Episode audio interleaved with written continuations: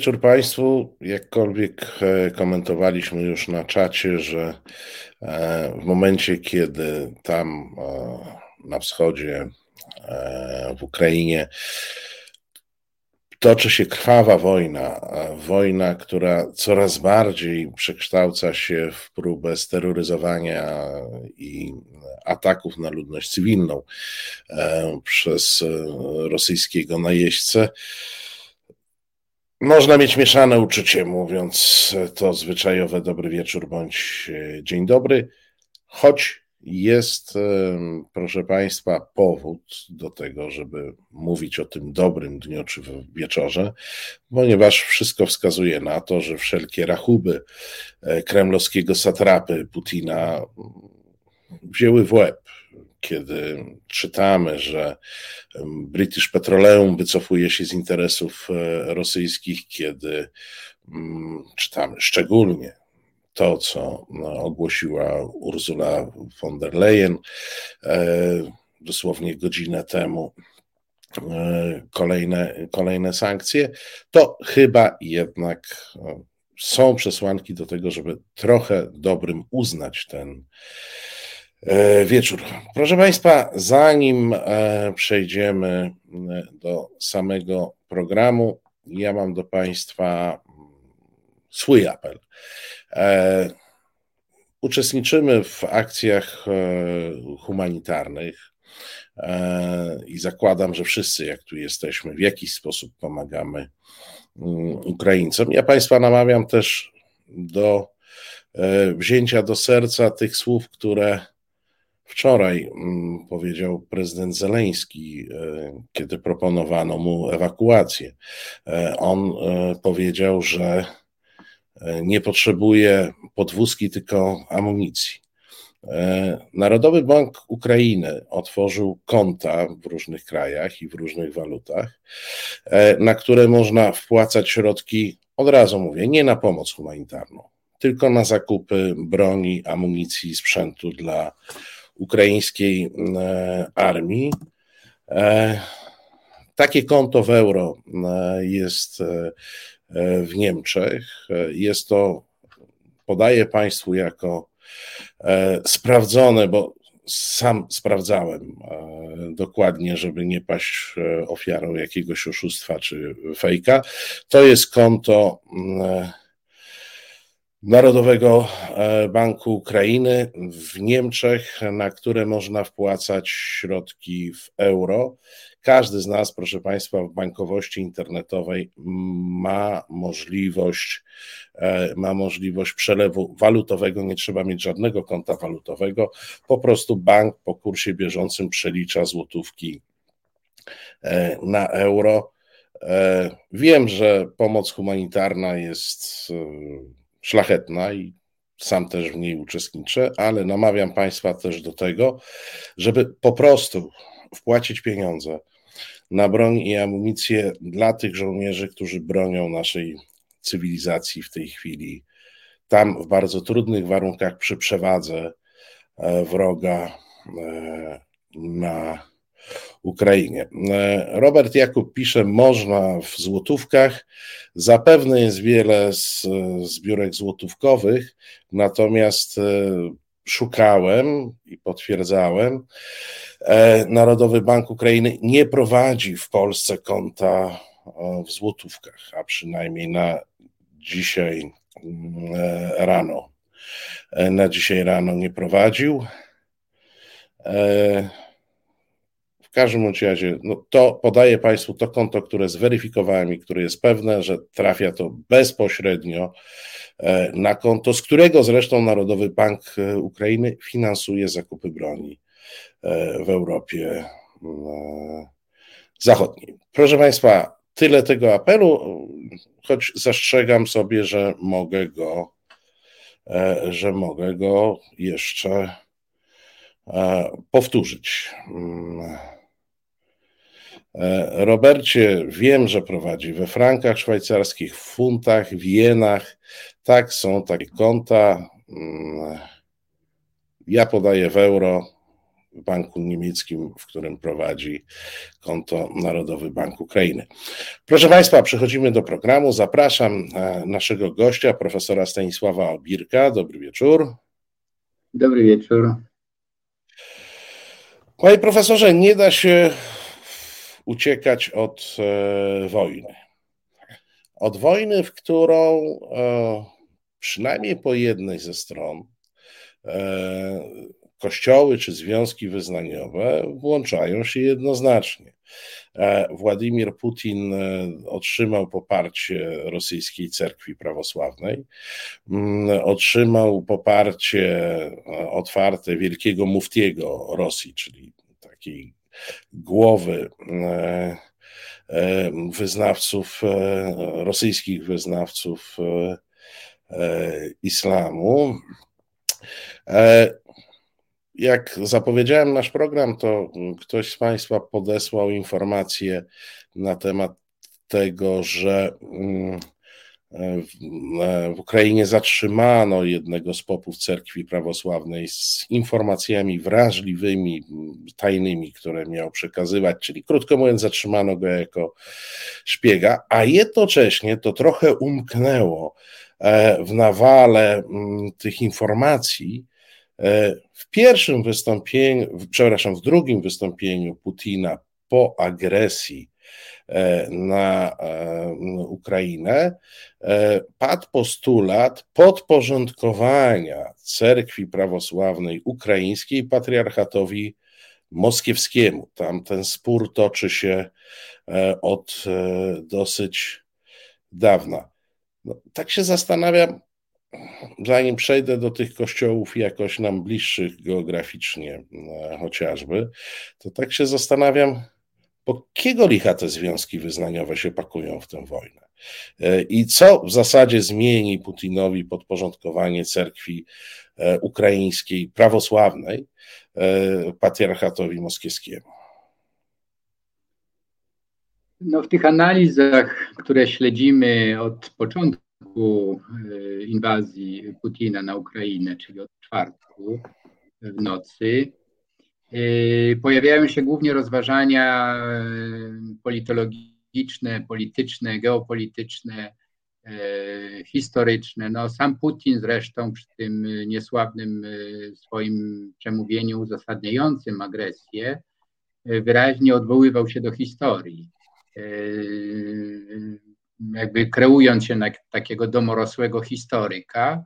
Mm, no i tutaj wybrzmiały w tym jego przemówieniu rzeczy, które znamy, y, jego takiego ideologicznego skrętu w prawo, mm, bardzo mocno podbarwionego y, takim fundamentalizmem religijnym i jednocześnie takim y, negatywnym, by delikatnie to ująć, obrazowi Zachodu jako zgniłego, który on właśnie jako ten nowy Mesjasz będzie ratował. No i w Moskwie, yy, w tym patriarchacie moskiewskim, prawosławnym, oczywiście te tony są bardzo mile słuchane, widziane i to jest właściwie, można powiedzieć, taka nowa krucjata E, której właśnie Putin jest takim no, mesjaszem. On będzie zbawiał nie tylko Moskwę, czyli ten trzeci Rzym, który po kompromitacji Rzymu łacińskiego, Konstantynopola już od XVI wieku w mitologii rosyjskiej jest przedstawiany jako właśnie ten trzeci i ostateczny Rzym.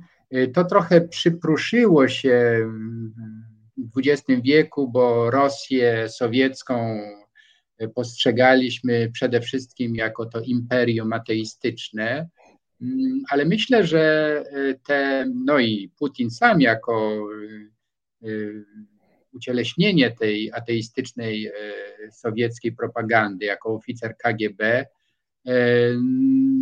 no był zupełnie podejrzewany o ten rodzaj neofickiej gorliwości, ale jak się okazuje z KGB do wiernego syna cerkwi droga okazała się krótsza niż nam się wydawało.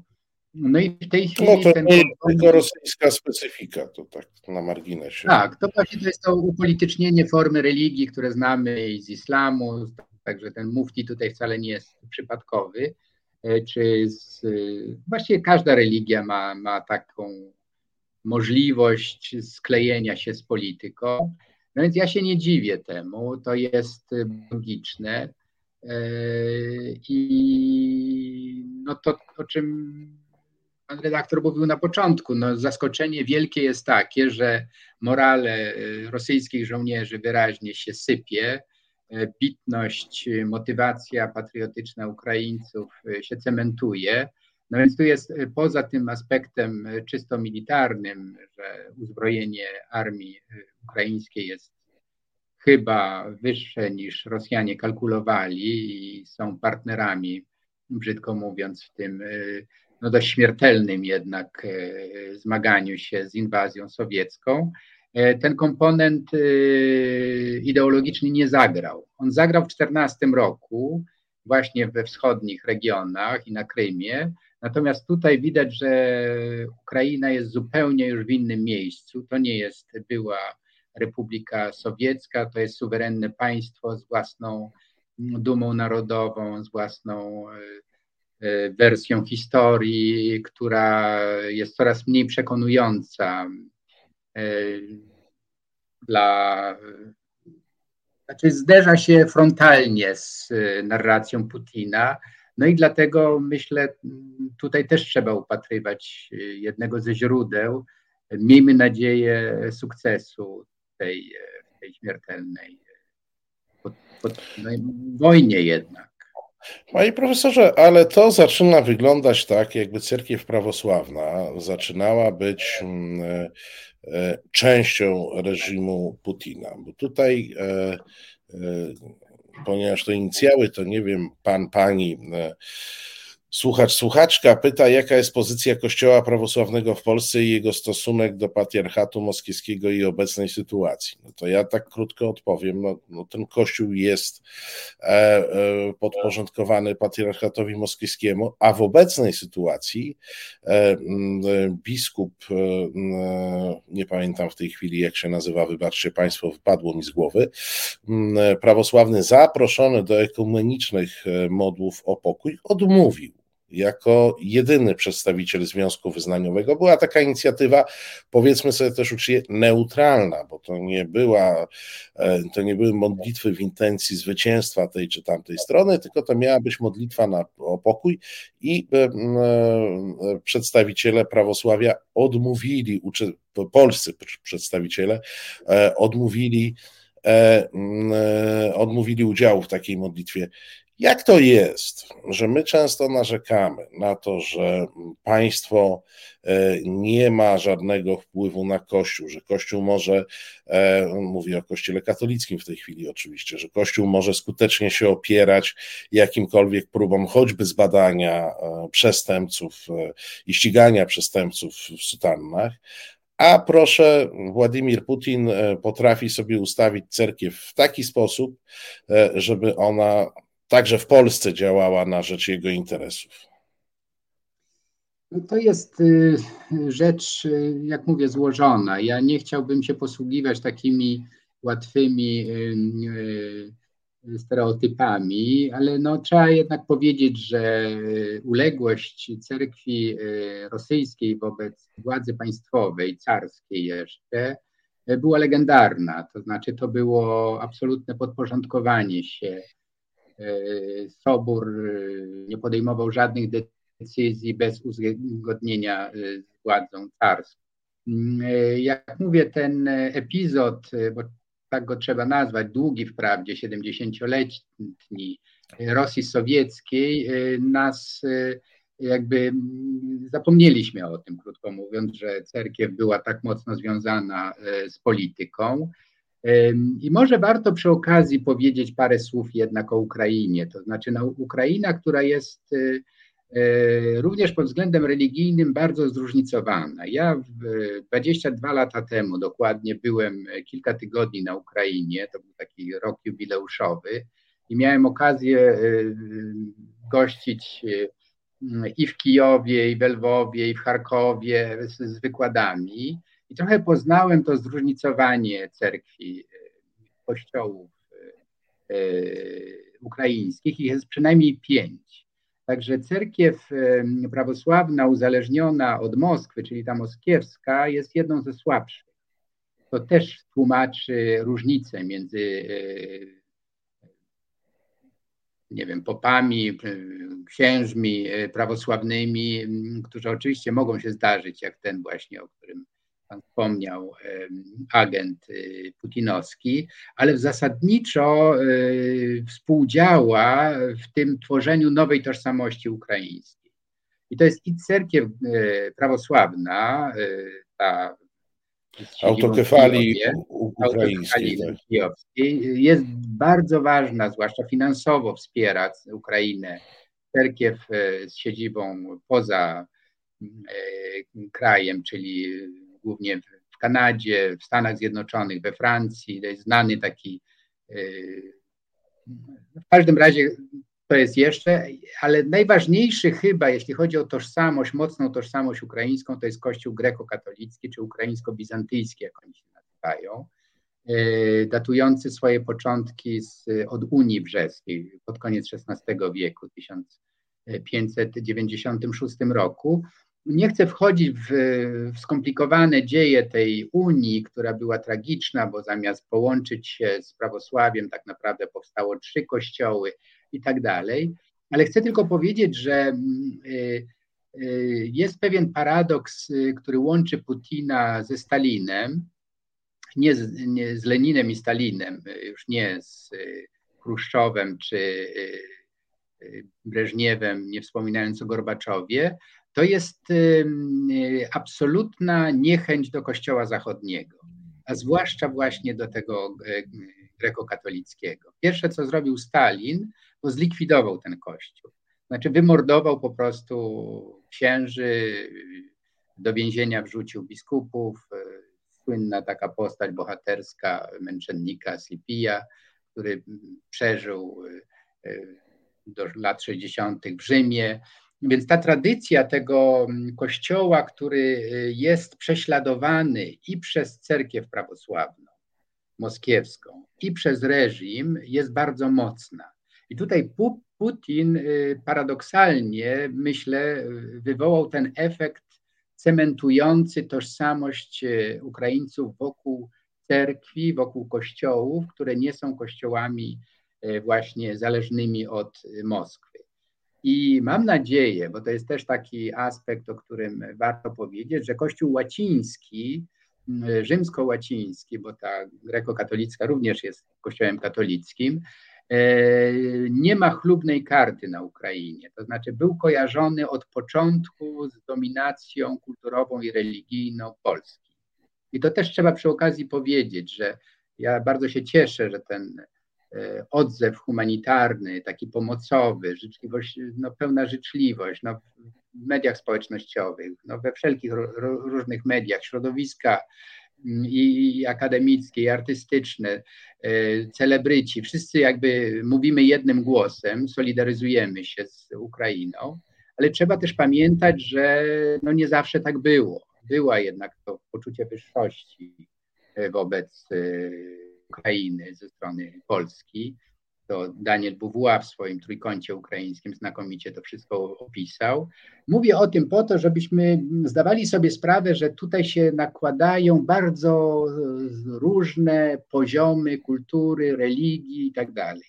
Także z jednej strony mamy ten, no przykro mi o tym mówić, bo z natury jestem jakoś ekumenicznie nastawiony i chciałbym, żeby ludzie religijni ze sobą rozmawiali, dialogowali, wzajemnie się wzmacniali, ale tutaj w tym wypadku y, nie widzę takiej w ogóle przestrzeni, żeby można było rozmawiać z cerkwią prawosławną, która jest całkowicie y, podporządkowana tej ideol, temu putynizmowi właśnie imperialnemu i ona nie widzi miejsca dla tych kościołów, które się oderwały, odrywają, zdobywają autonomię od cerkwi moskiewskiej, i dlatego z takim entuzjazmem y, traktują Putina jako nowego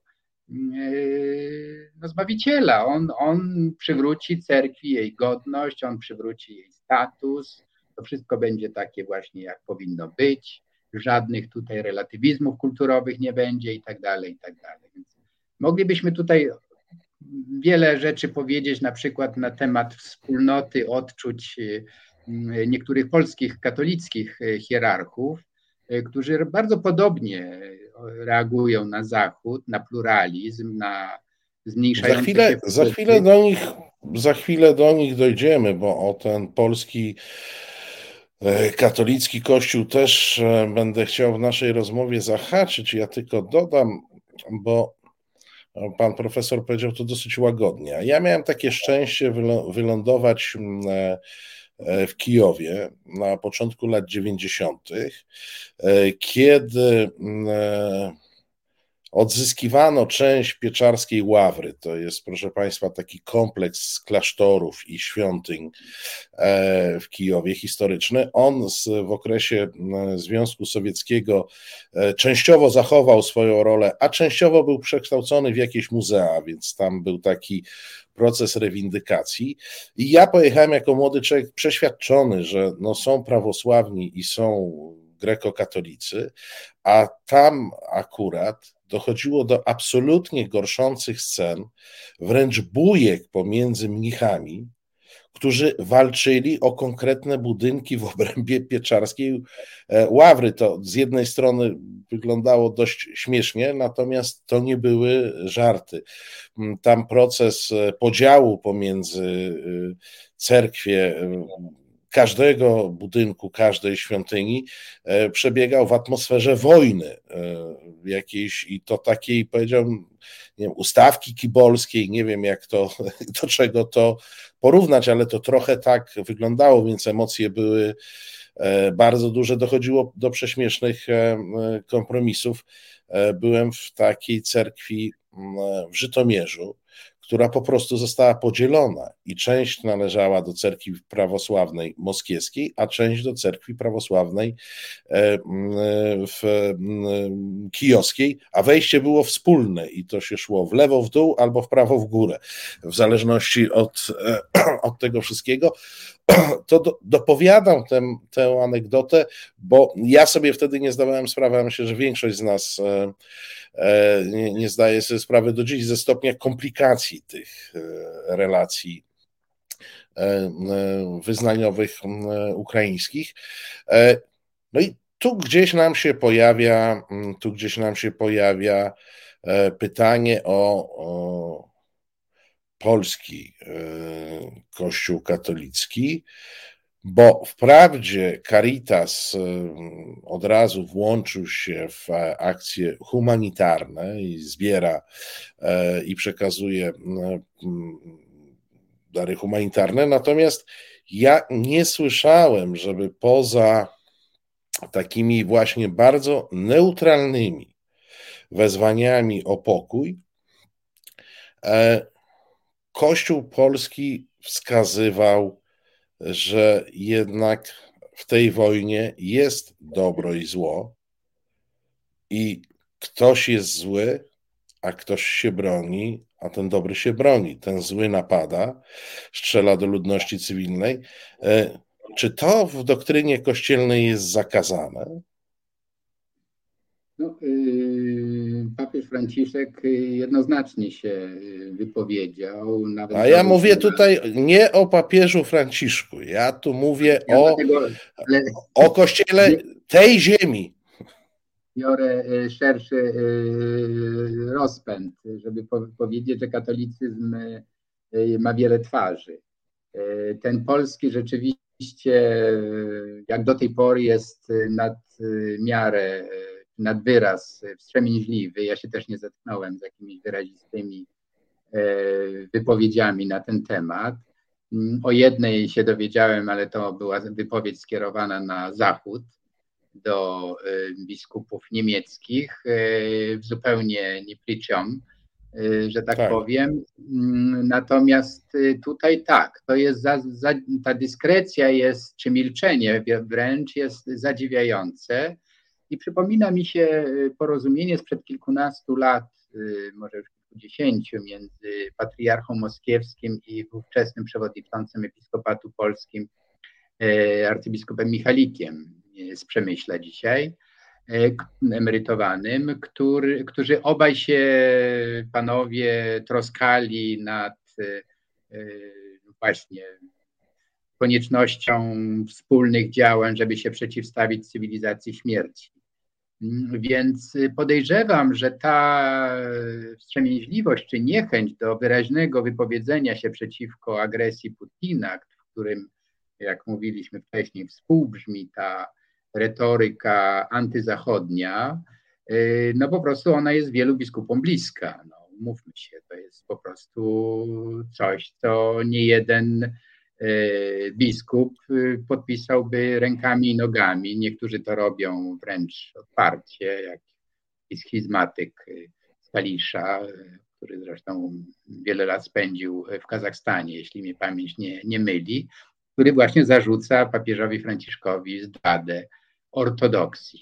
Więc tak, jest problem. Myślę z polskim katolicyzmem, który jest dokładnie taki antyzachodni, E, antypluralistyczny i chce twardej ręki. Dla wielu nikt tego głośno nie powie, mm, ale podejrzewam, że sympatie są właśnie po tej stronie, to znaczy takiego twardego uporządkowania sceny politycznej, i obyczajowej. No przecież antygejowskie zapędy Putina są dobrze znane.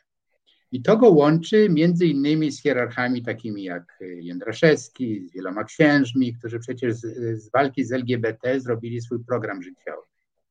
E, w świetle niektórych publikacjach, chociażby e, Agnieszki Grafi, Elżbiety Korolczuk, Kto boi się e, tam wyraźnie widać to, tą, jak one to nazywają, oportunistyczną synergią prawicowego populizmu politycznego z fundamentalizmem religijnym. To bardzo wyraźnie widać, to widać na przykładzie organizacji określonych, osób, które wspierają i cerkiew, i te organizacje właśnie takie homofobiczne.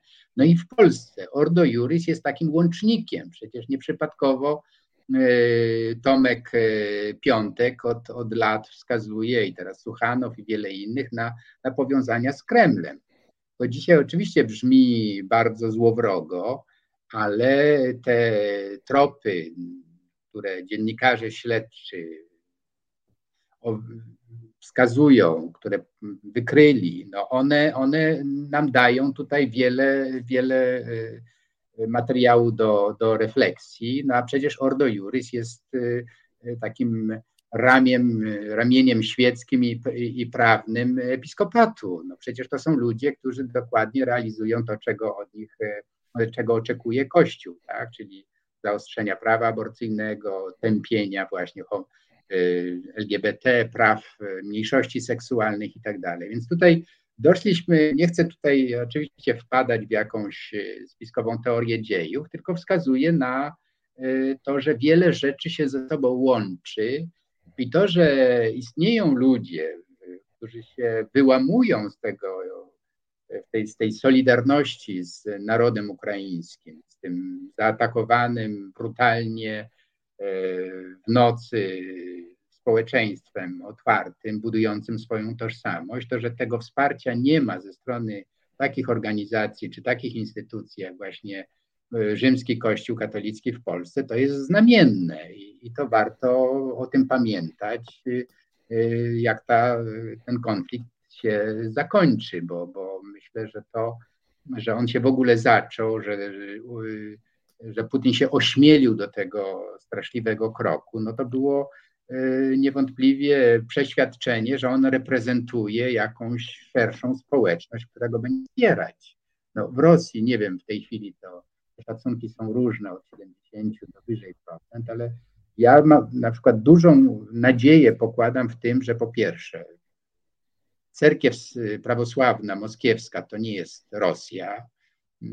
To społeczeństwo jest również poważnie e, sekularyzowane i sekularyzujące się, więc te wpływy cerkwi też są e, ograniczone. I tak samo w Polsce. No wiemy, że ta sekularyzacja u nas postępuje w sposób galopujący i to obecne niezdecydowanie hierarchii kościelnej księży będzie procentować właśnie tym, że będzie ta e, sekularyzacja jeszcze szybciej postępowała, bo to jest kompromitacja instytucji, która z definicji powinna chronić właśnie człowieka słabego, napadanego, niewinnego, mordowanego tylko dlatego, że nie mieści się w jakimś projekcie ideowym satrapy. Tadeusz Wróblewski pyta, jaki jest polski katolicyzm za naszą wschodnią granicą. Tam jest cała masa Polaków, czy są, są katolicy, papiescy, czy ryzykowscy. Ja pozwolę sobie odpowiedzieć. E, katolicy są różni, natomiast muszę Państwu powiedzieć, jak wiecie, jako stary ateusz to mówię, e, bez szczególnej atencji dla Kościoła katolickiego, tam jest, e, jeśli chodzi o sposób funkcjonowania Kościoła, to jest taki, o jakim pewnie każdy katolik by marzył. Pewnie to się wiąże z tym, że tamten kościół katolicki jest kościołem niszowym, a nie dominującym. Tam są księża, którzy chodzą po domach i pytają, czy czegoś potrzeba. Tam są księża, którzy witają wszystkich wiernych przy wejściu e, do kościoła. Tam są księża, którzy mają kilkanaście kościołów pod sobą, mówiąc pewnym skrótem. Miałem okazję no wiem, to będzie duży coming out, miałem okazję pomieszkiwać i w prałaturach, i gdzieś tam na parafiach, kiedy jeździłem po Ukrainie. I, mu, i muszę wam powiedzieć, że nigdzie w Polsce nie spotkałem tak sympatycznych księży jak E, tam na Ukrainie, ale być może to się wiąże z tym, że ten kościół tam jest e, bardzo e, marginalny i że tam ta troska o wiernego musi być na zupełnie innym poziomie niż w Polsce, gdzie kościół po prostu jest sobie jak pączek w maśle i wszyscy mu się kłaniają dookoła. I, to panie redaktorze. Biskup lwowski, y, arcybiskup Mieczysław Mokrzycki jest y, biskupem ryzykowym. Aha, no, nie wszyscy są tacy. To jest spadkobierca tego katolicyzmu mocnego, właśnie zdecydowanego, no ale dlatego, że Lwów może jest inny. Ma piękną katedrę. Ale im, im dalej na wschód, im dalej na wschód, to zgadzam się. To y, absolutnie te mo, moje doświadczenia w Kijowie, w Charkowie, Charkowie to w ogóle są śladowe ilości łacinników, ale tak, to ja myślę, że Kościół pokornieje, no tak jak w Japonii też opowiadają legendy o tym, jak bardzo są otwarci księża, dlatego że nie mają e, wiernych, więc to bardzo dobrze działa na świadomość, samoświadomość katolickich księży. E, e, łagodność jest prost proporcjonalna do braku wiernych. E, drodzy Państwo, to są rozmowy Celińskiego. Producentem ich dzisiaj jest Albin Drus. Albinie bardzo e, dziękujemy. E, realizuje Filip. Naszym gościem jest profesor Stanisław Obirek, a w tej chwili zasłużyliśmy nam krótką przerwę.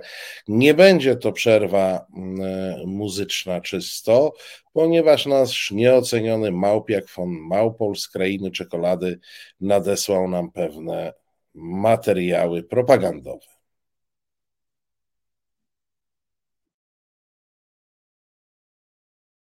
Chciałem Cię spytać, y, kim jesteś, skąd, dlaczego tu przyszedłeś i co, co tu robisz? E, cześć, e, mam na imię Alek. Ja z.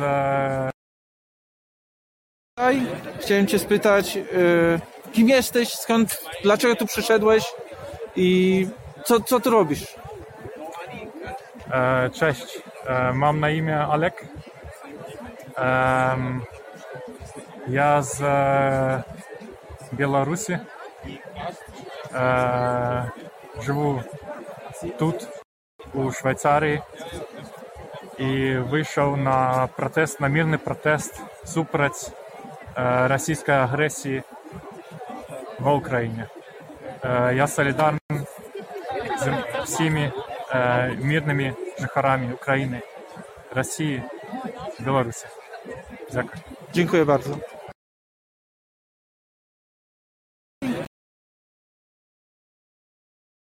Cześć. Możesz powiedzieć, e, kim jesteś, skąd się tu wzięłaś, dlaczego zdecydowałaś się przyjść?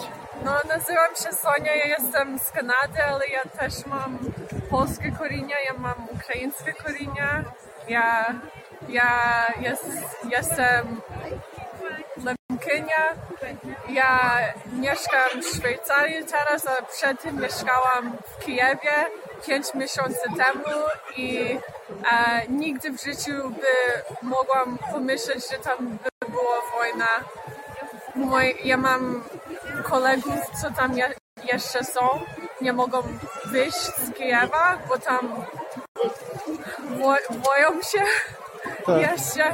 No, e, wszystko, co ja widzę, wszystko, co piszą mi e, kolegów, co tam dzieje się, jest straszne, to ja, tu, jest, ja tu jestem, żeby powiedzieć światom, pokazać, że e, to nie może tak być, że coś trzeba zrobić o tym.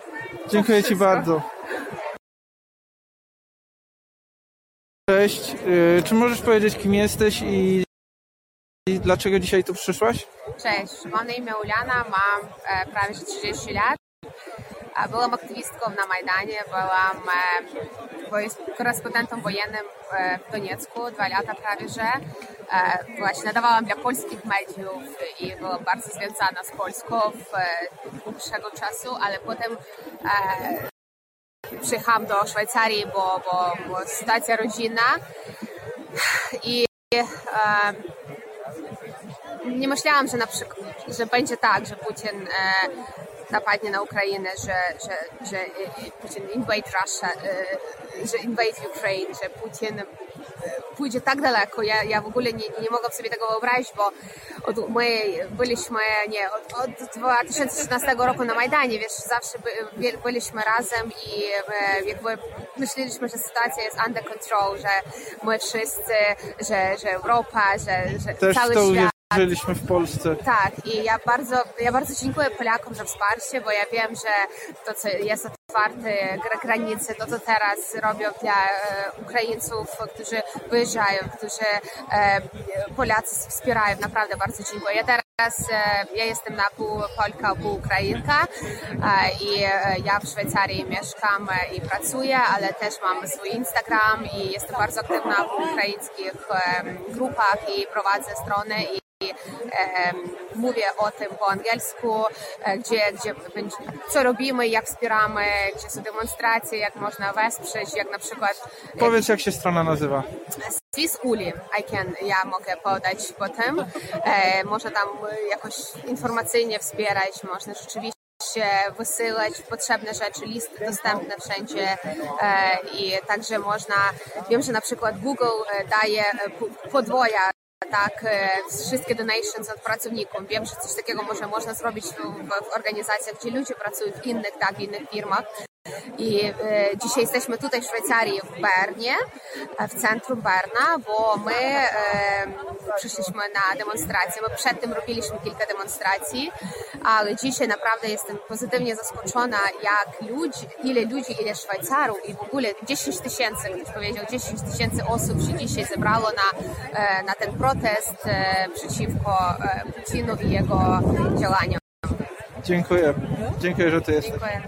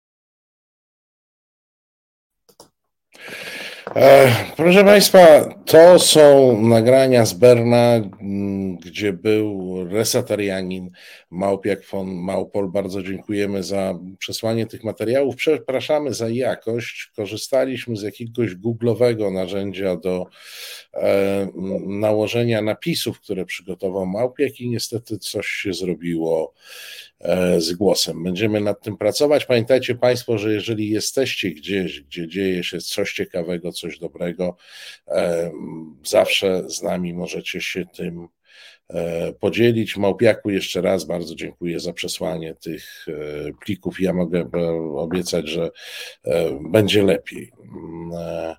Będzie lepiej. Filip mi tu pisze na czacie prywatnym, jak się w końcu wyniesiemy ze StreamYarda, to będzie lepiej. No, z tego StreamYarda zaraz się wyniesiemy. Zaraz się wyniesiemy, ale to zupełnie inna e, sprawa. E, panie profesorze, e, to, co się dzieje w tej chwili nie tylko w Polsce, ale także w Europie, e, to chyba przerasta najśmielsze e, oczekiwania. E, dzisiaj mogliśmy zobaczyć no, jakieś nieprzebrane tłumy w Berlinie. Od, od kilku dni w zasadzie we wszystkich stolicach europejskich pada to, to, to samo hasło stop Putinowi, stop wojnie. No i to, co obserwujemy w Polsce, to, co obserwujemy w Przemyślu, Chrubieszowie, e, czyli miejscach e, przy przejściach granicznych, w których jak dotąd o nich słyszeliśmy w kontekście ukraińskim, to najczęściej chodziło o spór, o jakiś pomnik UPA albo jakiś grób czyjś i, i twarzą tych miejscowości nadgranicznych najczęściej byli jacyś łyso ogoleni panowie, którzy opowiadali e, o tym, jak bardzo nienawidzą e, kogoś. E, jak dzisiaj widzę tych ludzi, którzy biegną z tą herbatą, z tą kanapką, to jakem stary chłop jestem po prostu wzruszony. Tak, to jest absolutnie przełom. E, nieraz już mieliśmy okazję rozmawiać o tym, e, co się działo na granicy polsko-białoruskiej, jak bardzo się tego wstydziliśmy. E, no, trzeba powiedzieć, że i społeczeństwo, i rząd stanęli na wysokości zadania. Są darmowe przejazdy pociągowe. No, czasem to może lepiej w mediach wygląda niż w rzeczywistości, bo wiadomości z przejść granicznych, czy w Chrebennem, czy y, Medyce, no różnie się słyszy, ale w każdym razie na pewno, ja zresztą stamtąd pochodzę, jestem w stałym kontakcie z mamą, z rodzeństwem, no widać, że tam gotowość pomocy jest, ludzie udostępniają mieszkania, przystosowują wójtowie y, gmin do przyjęcia jak największej ilości uciekinierów, więc to, to jest coś y, niezwykle budującego. Też jestem tym poruszony, wzruszony i też próbujemy pomóc na naszą w miarę możliwości. To wszystko sprawia, że widać jak na dłoni, że Putin przegrał już. Ta jego propaganda antydemokratyczna czy anty no po prostu e, przeciwko społeczeństwu nie przyniosła żadnego efektu. Co więcej, i z tym muszę powiedzieć, łączę bardzo duże, to zresztą w tym programie, co słyszeliśmy, też wybrzmiało, sami Rosjanie się wstydzą. Czytałem jakaś aktorka mm, a propos tego apelu, żeby wpłacać na konta mm, armii, yy, wpłaciła 10 tysięcy dolarów, rosyjska. Yy, no są pisarze, Kunin, inni znani, yy, wyraźnie wspierają Ukrainę. Mm, ci wybitni artyści, którzy popierali Putina, są pod olbrzymią presją, żeby jednak się od niego odciąć. Zobaczymy, jak to będzie wyglądało. Jest nadzieja, o czym mówił Chodorkowski, żeby w armii też jakieś głosy rozsądku zaczynają e, być może myśleć o tym, żeby e, jakąś alternatywny w każdym razie scenariusz opracować. Mm, może będzie, jak pisała Nina Chruszczowa, prawnuczka Nikity Chruszczowa, y, stalinizm, maoizm skończyły się razem ze śmiercią ich y, założycieli. Czy putinizm się skończy wcześniej? Wszystko wygląda, że tak, że to nie jest konieczne podejście Putina y, fizyczne wyraźnie putinizm się skompromitował, nie ma szansy na to, żeby, żeby przetrwał. To się rozsypuje na naszych oczach. No tak.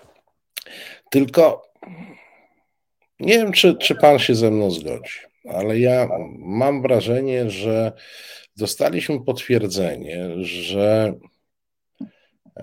pewien typ e, empatii społecznej, pewien typ e, dobroczynności. E, ostatecznie odkleił się od Kościoła, który miał w Polsce bar, przez bardzo wiele lat, no, brzydkie słowo, ale tak to trzeba nazwać, monopol. Tak? Jakoś tak strzeg swojego monopolu od sióstr zakonnych w szpitalach po właśnie Caritas i różne akcje pomocowe. Polacy w tej chwili zupełnie nie oglądają się na Kościół i samoorganizują się i mm, jakby przestali czuć potrzebę tego pośrednika e, dobroczynności. Ja to widzę w tej chwili, kiedy no, umówmy się, że pośred, jedynym pośrednikiem są media społecznościowe, gdzie się ludzie skrzykują, kto da towar, kto da samochód, kto da mieszkanie, e, kto gdzie pojedzie. I to są akurat dla mnie procesy jakoś tam naturalne. Natomiast wracam do tego Kościoła polskiego i ja nie widzę, żeby Kościół walczył e, o ten swój gasnący monopol, bo nie widać tam kościoła. Ja nie słyszałem o parafii, która otworzyłaby dom parafialny dla uchodźców, tam na tych terenach, o których mówimy. Obaj pochodzimy z, z, z Polski Wschodniej, tak? Wójtowie otwierają szkoły tam, jak mają jakieś swoje e, budynki, adaptują je na szybko na noclegownię, żeby ci e, ludzie, którzy najczęściej godzinami e, podróżują, żeby dotrzeć na granicę, po prostu mieli gdzie usiąść, przespać się, wypić herbatę, zjeść coś ciepłego. Ja nie słyszę o domach parafialnych otwartych tam. Absolutnie tak. To, to też y, do mnie docierają raczej ludzie z, y, związani, nie wiem, z pracą, koleżanka z uniwersytetu, która y, wróciła z Lwowa i skrzyknęła znajomych i każdy przekazał co mógł. I, także tak, to absolutnie jest, są inicjatywy prywatne, oddolne, poza strukturami państwowo-kościelnymi. To jest rzeczywiście coś nowego. W pełni potwierdzam e, Pańskie spostrzeżenie, tak to widzę, że w tej chwili E, społeczeństwo obywatelskie przestaje być tylko pewnym ideałem, do którego dążymy, ale się organizuje. To są, to są prywatni ludzie, to są ludzie, którzy z potrzeby serca po prostu decydują, otwierają puste mieszkania, bo chcą, żeby właśnie w nich zamieszkali potrzebujący. Y, dzielą się z tym, co mają, bo chcą ogrzać y, zmarzniętych, nakarmić y, zgłodniałych, napoić spragnionych. Więc to wszystko dzieje się faktycznie, mm, można mówić o wartościach ewangelicznych, ale one są realizowane poza instytucją kościelną.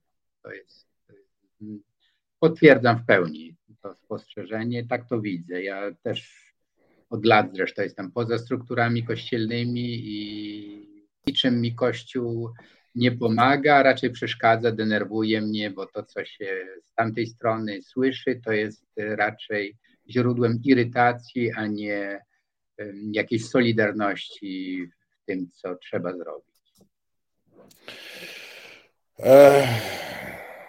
No, mimo wszystko szkoda, mimo wszystko szkoda, że mm, ta część Polaków, którzy są tam jakoś instytucjonalnie związani z Kościołem, nie włączają się w te emocje, które niosą w tej chwili chyba przemożną większość e, naszych, e, naszych rodaków. I e, ja jeszcze raz powiem, ja po prostu jak widzę te obrazki, jak widzę tę samoorganizację w sieci, to, to, to jakby buduje to we mnie jakiś duży optymizm, jestem, jestem dumny, a często i, wzruszony tym, co widzę, jak ludzie mówią, a ja mam tu mieszkanie, nie będę go wynajmował, tylko, tylko udostępnię. To jest coś pięknego, co nas spotkało w tym momencie. Panie profesorze, bardzo dziękuję za dzisiejszą rozmowę.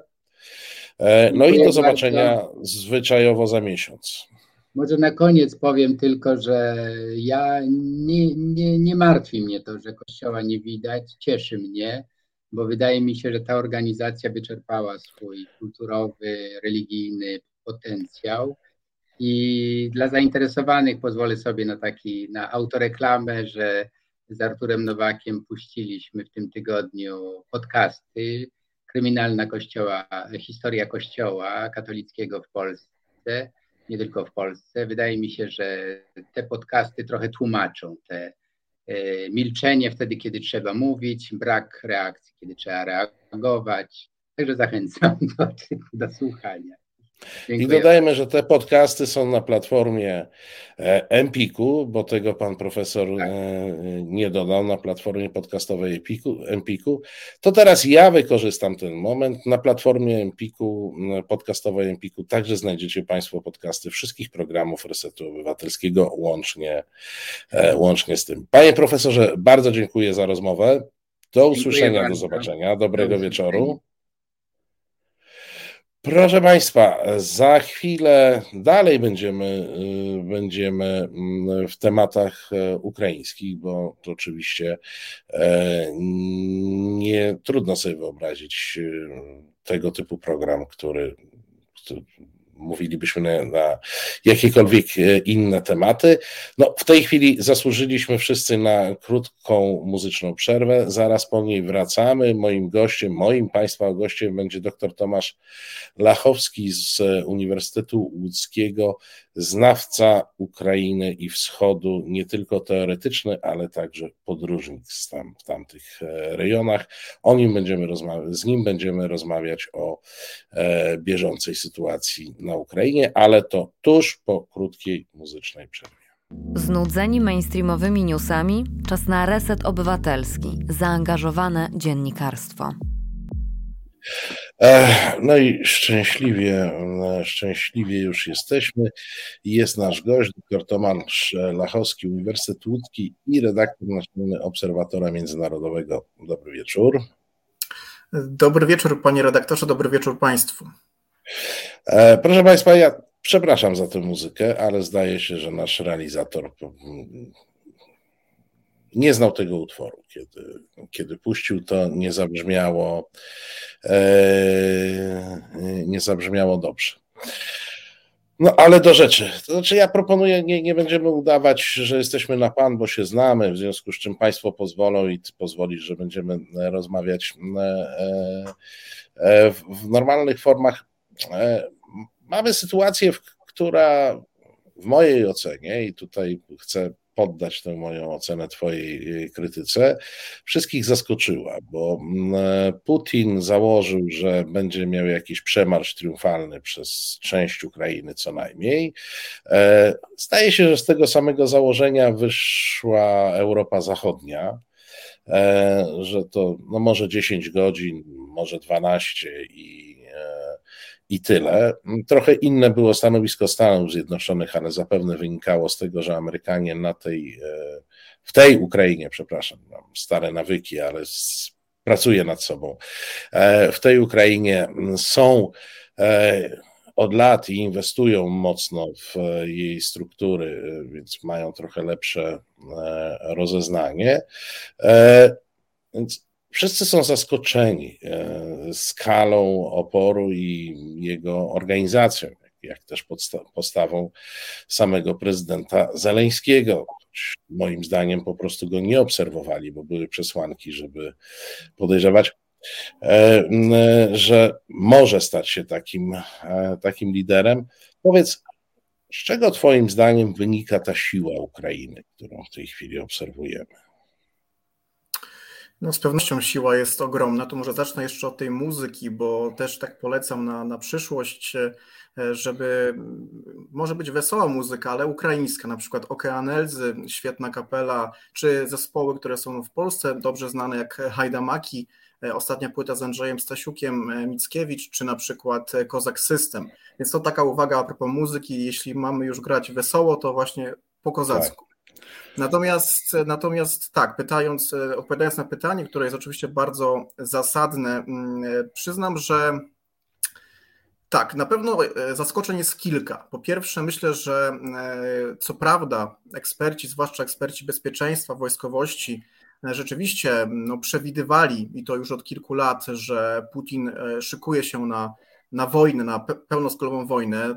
Przypomnijmy, że przecież rok temu również o tej porze mniej więcej zgromadził mniej, ale również pokaźną liczbę wojsk na granicach z Ukrainą, więc to jest ten pierwszy element, że do tej wojny Putin się bardzo mocno szykował chociaż rzeczywiście wszyscy łudzili się, że, że do niej nie dojdzie. Jeśli chodzi o samych Ukraińców, no to w tym przypadku mm, pamiętajmy, że tutaj też jakby moja profesja prawnika międzynarodowego, że akt agresji, który teraz jakby widzimy ten no, brutalny, brutalną agresję, inwazję militarną, on rozpoczął się 8 lat temu. Tak naprawdę dokładnie 8 lat temu, ponieważ właśnie w nocy, to właściwie dzień temu, e, jakby 8 lat temu e, i dzień, rozpoczął się właśnie, rozpoczęła się operacja zmierzająca do aneksji Krymu. Wtedy pojawiły się te tak słynne zielone ludziki.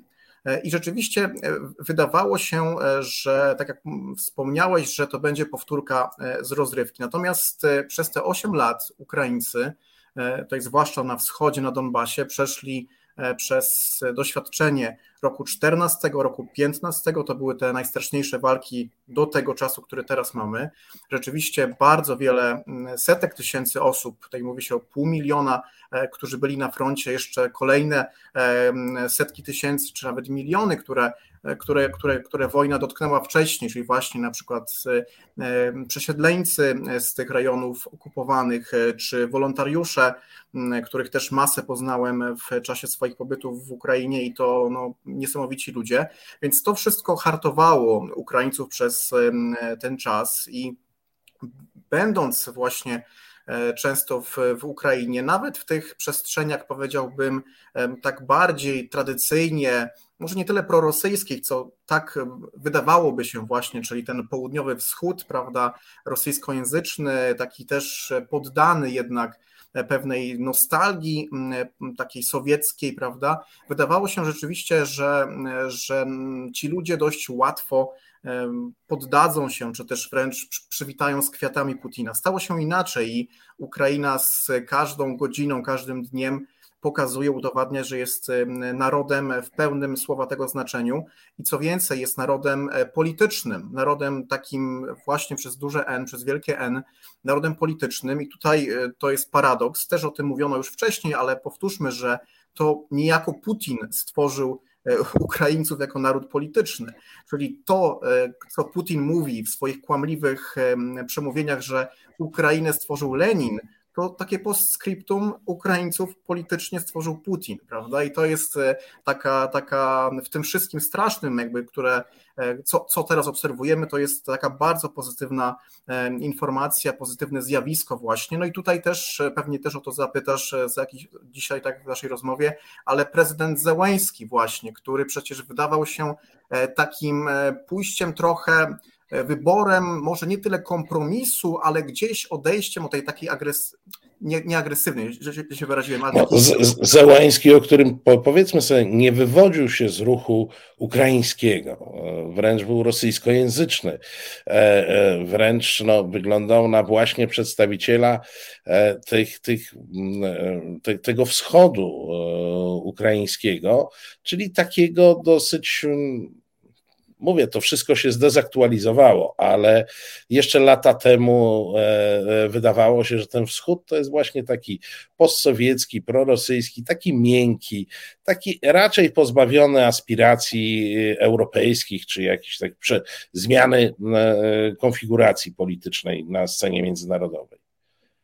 Zdecydowanie tutaj pan prezydent, bo też to jest chyba dzisiaj prezydent całego wolnego świata, możemy tak o tym powiedzieć, pochodzi z Krzywego Rogu, to jest wielkie miasto przemysłowe położone w, no może nie tak dosłownie na wschodzie, ale już bliżej tej właśnie części południowo-wschodniej, czy tak jak mówisz, tej zamieszkałej większości przez ludność rosyjskojęzyczną, taką właśnie z taką nostalgią e, do dawnych e, czasów.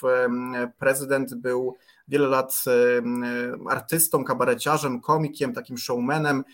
Miał swój, swoje studio kwartał 95 od nazwy dzielnicy, z której właśnie z Krzywego Roku, z której e, pochodzi i e, ja przyznam, że oglądając te skecze, no nie teraz rzecz jasna, ale wcześniej prezydenta, wtedy jeszcze jako showmana, mnie one nie przekonywały. To był dla mnie taki trochę kabaret nie do końca zrozumiały w takim, w takim sensie kodu kulturowego. Zauważyłem, że właśnie on był zrozumiały dla rzeczywiście tych ludzi bardziej ze wschodu, z tą taką nutką e, nostalgii za tym, za tym dawnym, dawnym światem, pewnej przyjaźni, albo przynajmniej udawanej przyjaźni e, sowiecko-ukraińskiej, rosyjsko-ukraińskiej. I nagle rzeczywiście nagle rzeczywiście stało się e, inaczej. To, też prawda, że on dojrzewał, bo pamiętam, kiedy byłem w 2019 roku na Majdanie w momencie przemówienia, w momencie przemówienia z okazji Dnia Niepodległości, to było trzy lata temu, no niespełna, dwa i pół roku temu, on wtedy powiedział, że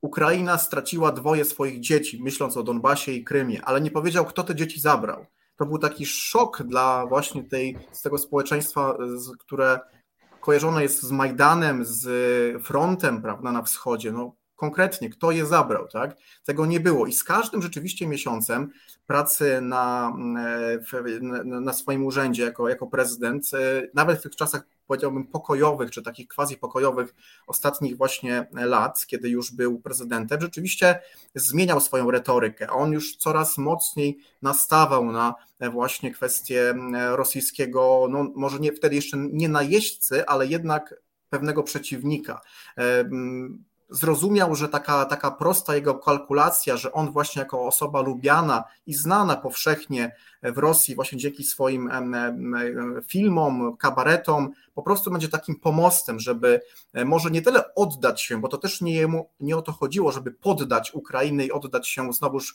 Rosji, ale żeby gdzieś tam e, taką politykę Poroszenki dość twardą złagodzić, załagodzić, złagodzić. Natomiast w tym przypadku stało się zupełnie e, inaczej. Te ostatnie no, tygodnie, ale zwłaszcza dni no, pokazują niesamowity hart ducha i tak naprawdę to jest właśnie prawdziwy prezydent Ukrainy, wolnego świata i no wielkie ukłony, bo to co, to, co robi, zagrzewa do boju, jego przemówienia, tutaj, tutaj oczywiście jego talent komediowy też się przydaje, czy też aktorski, e, bo są wspaniałe, naprawdę niesamowite i przyznam, że ja sam jestem e, wzruszony, kiedy, kiedy ich słucham, bo robią wrażenie i to też morale Ukrainy wzmacnia.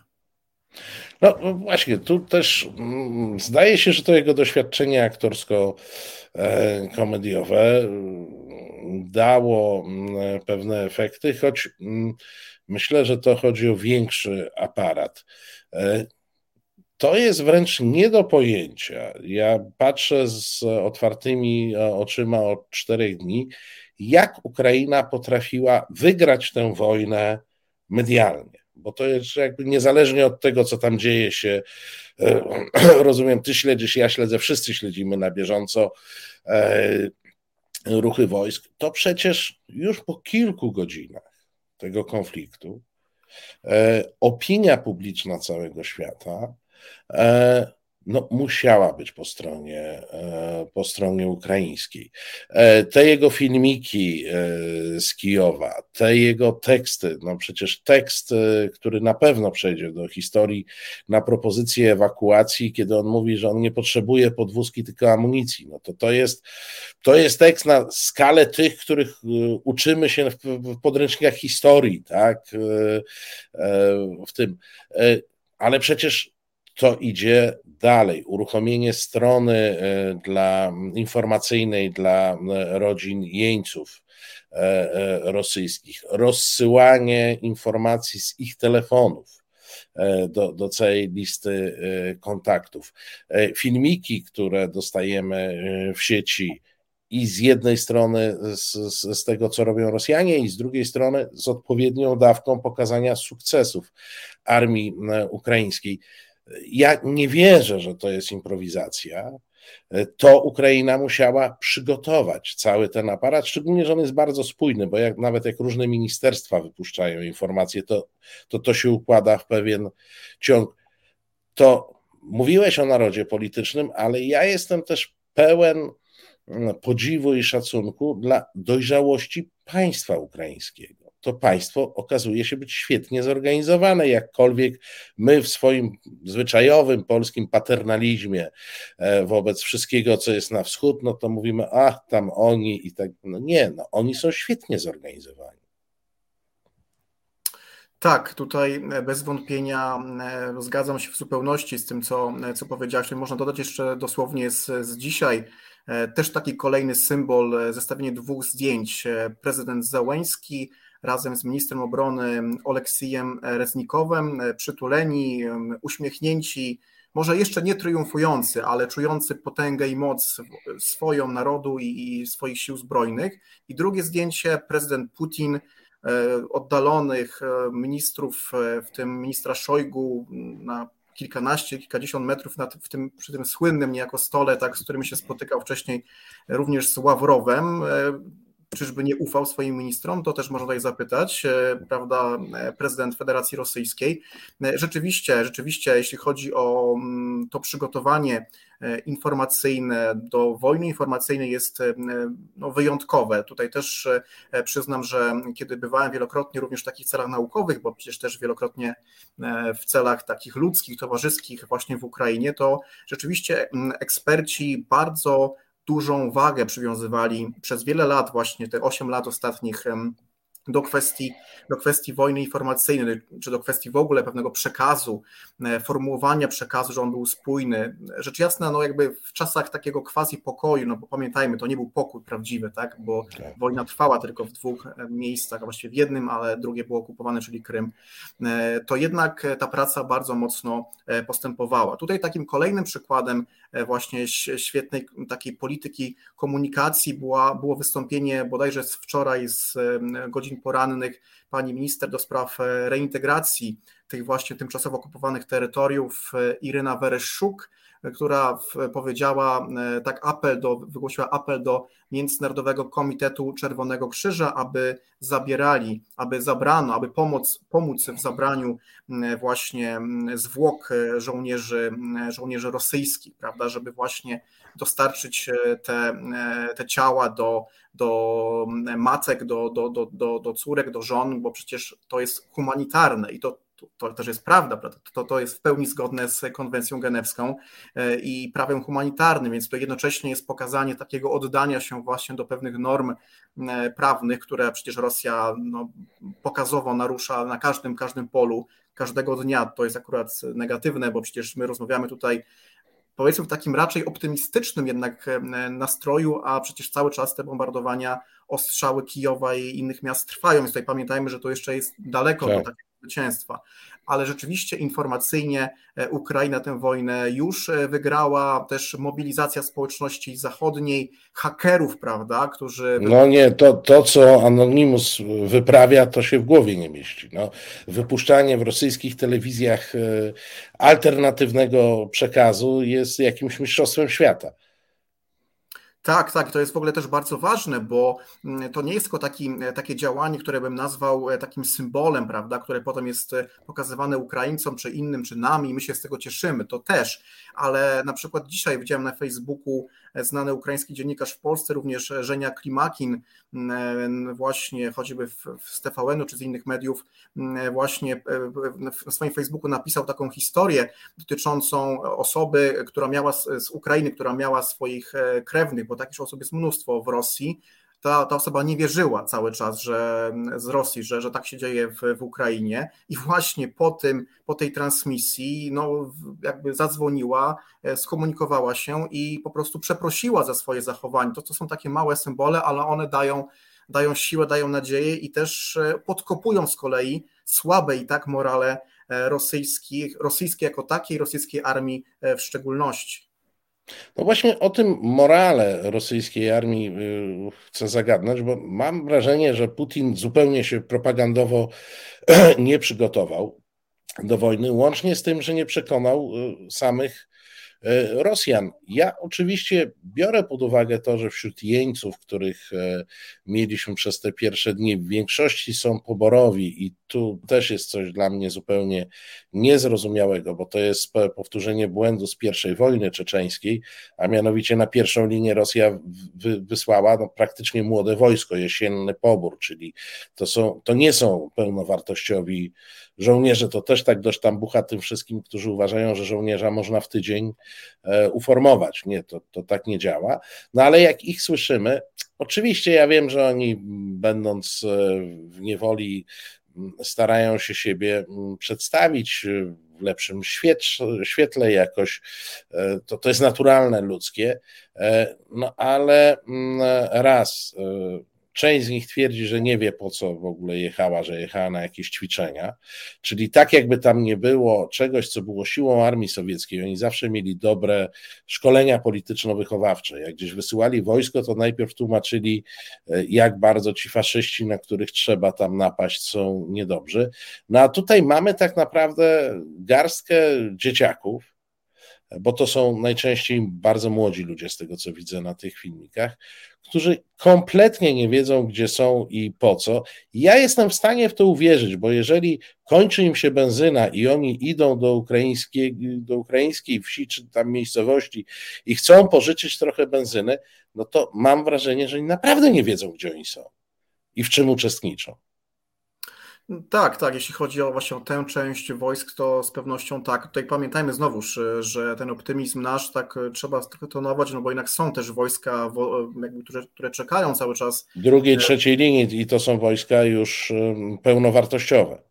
Tak, przecież też są e, Czeczeńcy, tak, e, czeczeńskie ugrupowania Kadyrowa, chociaż sam Kadyrow e, w filmiku, który wczoraj zamieścił, no niejako stwierdził, że, że tej broni jest tak dużo, że Ukraińcy są tak silni, że jednak on nie chce walczyć z nimi. Pytanie, czy to też nie jest taka propaganda, żeby właśnie trochę uśpić czujność, tego nie jestem w stanie stwierdzić na ten moment, ale jeśli by tak było, jak on mówił, przecież generał, który, który właśnie był w tym ugrupowaniu, nawet śmierć jego z rąk Ukraińców została potwierdzona przez e, Federację Rosyjską. To jest jeden tak, pierwsza, pierwsza kolumna czeczeńska została kompletnie rozbita. Ja widziałem zdjęcia z tego. To, to była jakaś miazga. Tak, tak. E, e, tam w zasadzie oni uchodzili ży, życiem, zostawiając całą technikę na miejscu. Tak jest, więc jakby tutaj to jest jakby zastrzeżenie, żeby znowu myśleć nie tylko w takich kategoriach, że, że Rosjanie są strasznie słabi, bo nie są. Natomiast rzeczywiście na przykład zwycięstwo nad, nad właśnie tą grupą czeczeńską to jest z kolei pokaz siły Ukraińców w takim już pełnym, pełnym tego słowa znaczeniu. Jeśli chodzi o, o to Twoje pytanie dotyczące właśnie wojsk, e, z pewnością tak. Tutaj e, były takie e, wypowiedzi, czy one się cały czas właśnie przejawiają, że ci żołnierze jechali na ćwiczenia, że tak naprawdę nagle ten rozkaz padł właśnie przekroczenia granic z Ukrainą, że właściwie no, do kogo oni jadą. Tak? Ten przekaz, że E, w Ukrainie, albo konkretnie na Donbasie toczy się, toczy się ludobójstwo, dokonuje się ludobójstwo tej ludności rosyjskojęzycznej. On w jakimś sensie e, przekonuje e, opinię publiczną, bo tutaj takie wypowiedzi są często jednak pokazywane, przynajmniej do tej pory były wśród Rosjan, ale kto wie, czy, czy właśnie nie było tak, że tych młodszych żołnierzy wcale aż tak nie indoktrynowano być może, no bo, no bo oni raczej są zdezorientowani. Może coś mówiono im na ten temat, że tutaj są ludobójcy i faszyści, a nagle okazuje się, że, że ich nie ma, albo są to po prostu ludzie, którzy zawzięcie bronią swojej ziemi i to każdy człowiek, tak, właśnie, nie wiem, mieszkańcy wioski zatrzymują e, kolumnę, kolumnę czołgów, tak, czy innych wozów opancerzonych e, i, i, i ci stają, tak, więc to zatrzymują się, więc to jest naprawdę niesamowite. E, i tutaj rzeczywiście jest też kluczem, tutaj Ukraina, to wracając jakby wiążąc te dwa wątki, to jest kluczem, żeby właśnie przekazywać jak najmocniej do rodzin żołnierzy rosyjskich, co się tutaj dzieje, żeby właśnie e, te, te, te fakty przekazywać, e, no bo to też jest jakiś tam wpływ, tak, e, żeby w samej Rosji doszło do pewnych działań, które pozwolą ten, tę inwazję przyhamować albo wręcz w ogóle, w ogóle zatrzymać, więc to też jest tutaj niezwykle istotne, a rzeczywiście Putin e, propagandowo e, przegrywa czy przegrał, bo ta jego retoryka właśnie o ludobójstwie, o terroryzmie, tego terrorysta, którzy mają wysadzać, wysadzać cerkwie, rosyjsko, cerkwi rosyjskiej, prawda, w Charkowie czy w innych miejscach, nie były nigdzie potwierdzone. Świat jeszcze w tych dniach przed inwazją w ogóle e, w to nie uwierzył, co też jest bardzo dobre. I rzeczywiście pod tym kątem, pod tym kątem e, Putin e, tę wojnę na froncie informacyjnym przegrał i to naprawdę srogo. E, przeskoczę na chwilę do tej Twojej procesji prawa międzynarodowego. E, bo mamy sytuację taką: 2014 roku jest e, zabór części terytorium ukraińskiego przez Rosję. Na tym obszarze Donbasu w zasadzie z, z, małymi przerwami, ale cały czas jest stan napięcia, wymiany strzałów no, zdarzają się spokojne, zdarzały się spokojne dni, ale to nie była, mm, e, to nie była norma. Jaka jest relacja pomiędzy Ukrainą a Rosją w rozumieniu prawa międzynarodowego? No bo za, za chwilę mają zacząć się jakieś rozmowy delegacji ukraińskiej i rosyjskiej. Z, z jakiego statusu oni startują? No bo Putin nie wypowiedział nikomu wojny w sensie prawa międzynarodowego. Tak, chociaż e, tutaj niestety w społeczeństwie polskim, ale nie tylko polskim, jakaś taka myśl dominuje, taka, taka teza, powiedziałbym, z, z głębokiej historii właśnie II wojny światowej, że dopiero jak się wojnę wypowie w sposób oficjalny, to ona ale prawnie się toczy. W 1939 ale... też nam nie wypowiedział, Rosja nam nie wypowiedziała wojny, więc spokojnie.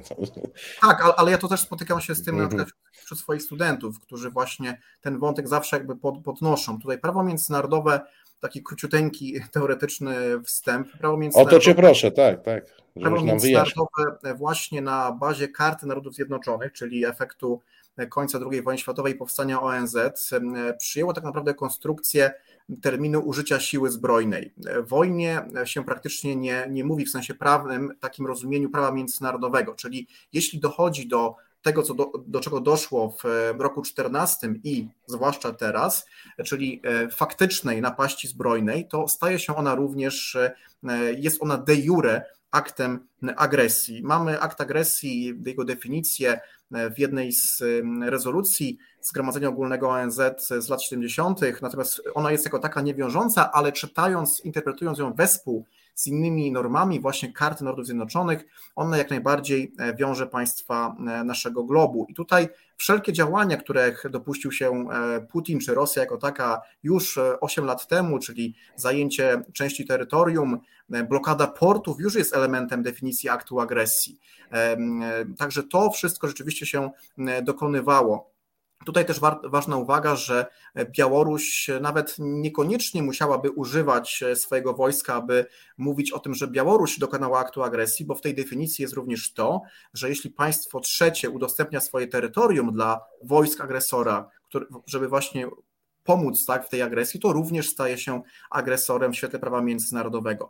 E, I tutaj e, patrząc na ten wątek e, tych, tych, tych negocjacji, które się, które się toczą, czy one się będą toczyć, bo z tego co wiem, to jednak ukraińska delegacja mocno opóźniła swój przyjazd na to, w to miejsce z różnych powodów. Raz kwestii logistycznych, tak trudności, drugi raz, żeby po prostu nie było tak, że nagle Rosjanie w nich e, zaatakują. To, to też tego wykluczyć nie można.